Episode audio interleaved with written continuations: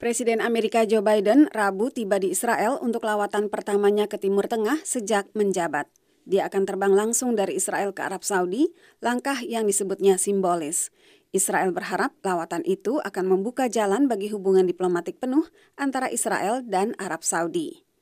Israel ingin mendengar Presiden Biden mengumumkan hubungan diplomatik antara Israel dan Arab Saudi dalam lawatan ke Timur Tengah yang dimulai Rabu.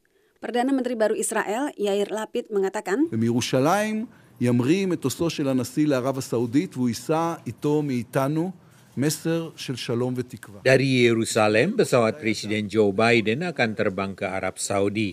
Dia akan membawa pesan perdamaian dan harapan dari kami.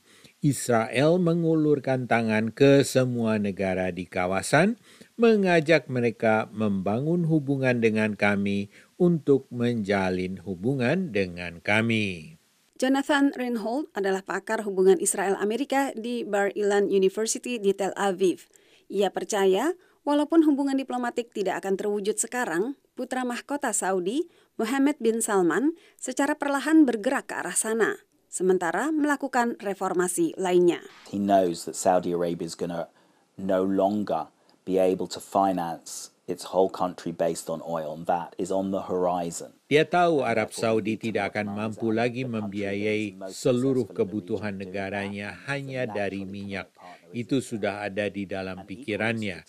Karena itu memang perlu melakukan modernisasi.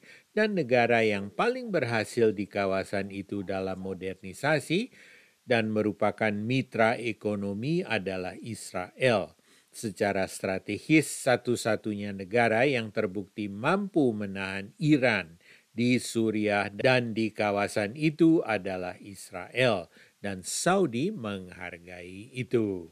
Presiden Biden diperkirakan akan mengumumkan kelompok pertahanan regional mencakup Israel dan Arab Saudi.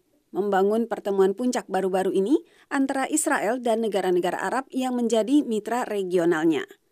Palestina tidak akan diajak masuk aliansi regional ini, malah telah menentangnya dengan keras. Meskipun akan bertemu Presiden Palestina Mahmud Abbas, para pemimpin Palestina frustrasi karena lawatan Biden ke Timur Tengah lebih berfokus pada penguatan aliansi regional dengan Israel daripada menangani konflik Israel-Palestina.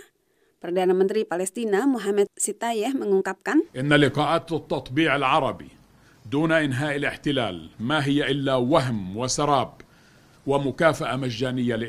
Pertemuan normalisasi Arab tanpa mengakhiri pendudukan hanyalah ilusi, fata morgana, dan hadiah gratis bagi Israel. Ketika singgah di Arab Saudi, Presiden Biden akan berusaha memperbaiki hubungan yang rusak akibat pembunuhan jurnalis Saudi Jamal Khashoggi, seorang warga Amerika pada 2018.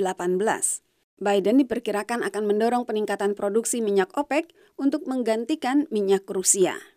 Karlina Amkas, VOA, Washington.